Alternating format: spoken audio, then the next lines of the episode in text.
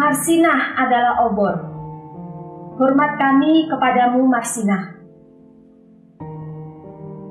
27 tahun silam, tepatnya pada tanggal 8 Mei 1993, sosok buruh perempuan pabrik arloji ditemukan mati di Dusun Jegong, Wilangan, Nganjuk, Jawa Timur. Buruh perempuan itu adalah Marsina.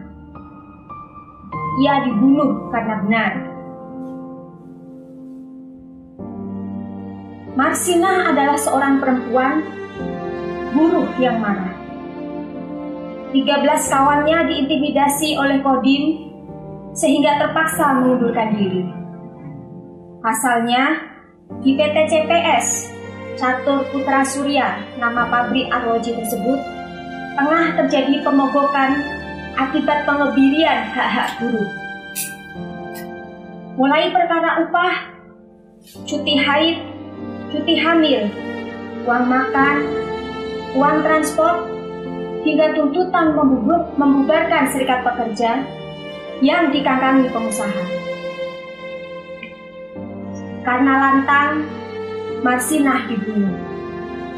Hasil forensik menunjukkan bahwa Marsinah mati dengan kondisi luka di sekujur badan. Kemaluannya hancur, tulang panggulnya patah, serpihan tulang berserakan di tubuhnya. Sebelum ajal menjemput, Marsinah diperkosa. Sebuah tindakan yang menggambarkan sempitnya pikiran, rendahnya moralitas, rendahnya mentalitas, serta nurani yang kering. Pelanggaran HAM diukir di bumi pertiwi. Kekerasan fisik dan seksual yang dilakukan terhadap Marsina adalah pesan kotor Orde Baru agar perempuan tidak melawan. Perempuan tidak layak memimpin pemogokan serta harus tunduk terhadap kekuasaan.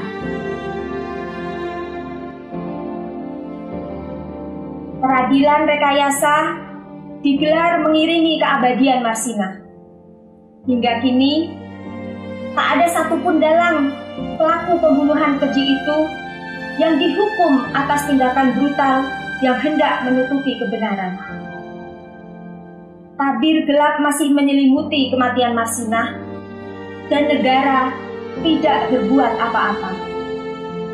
Negara tidak mengerti apa-apa tentang keadilan. Otot dan moncong senjata adalah wujud negara. Tahun berganti melewati apati negara terhadap pembunuhan anak negeri. Hari-hari ini, analogi demokrasi seolah mundur kembali. Apa pun yang negara ini seolah rakyat harus memenuhi.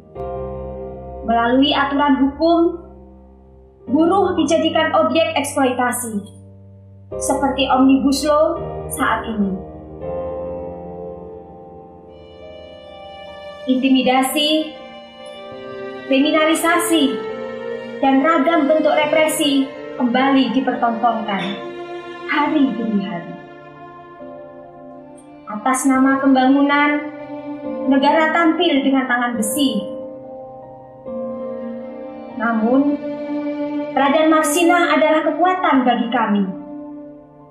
Marsinah adalah obor, semangatnya tidak pernah mati.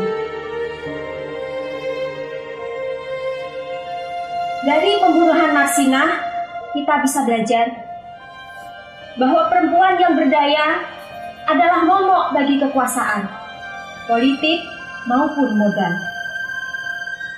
Perempuan, buruh, mogok adalah kekuatan yang membuat negara merasa ngeri. Karenanya, kita harus bersatu menggalang kekuatan.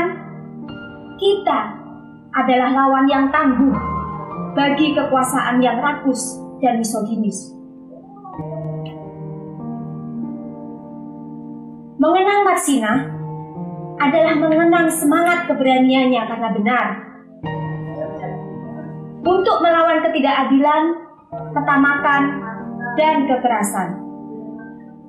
Kami dari Federasi Buruh Lintas Pabrik menuntut kepada negara usut tuntas pelaku pembunuhan Marsinah, berikan keadilan untuk Marsinah.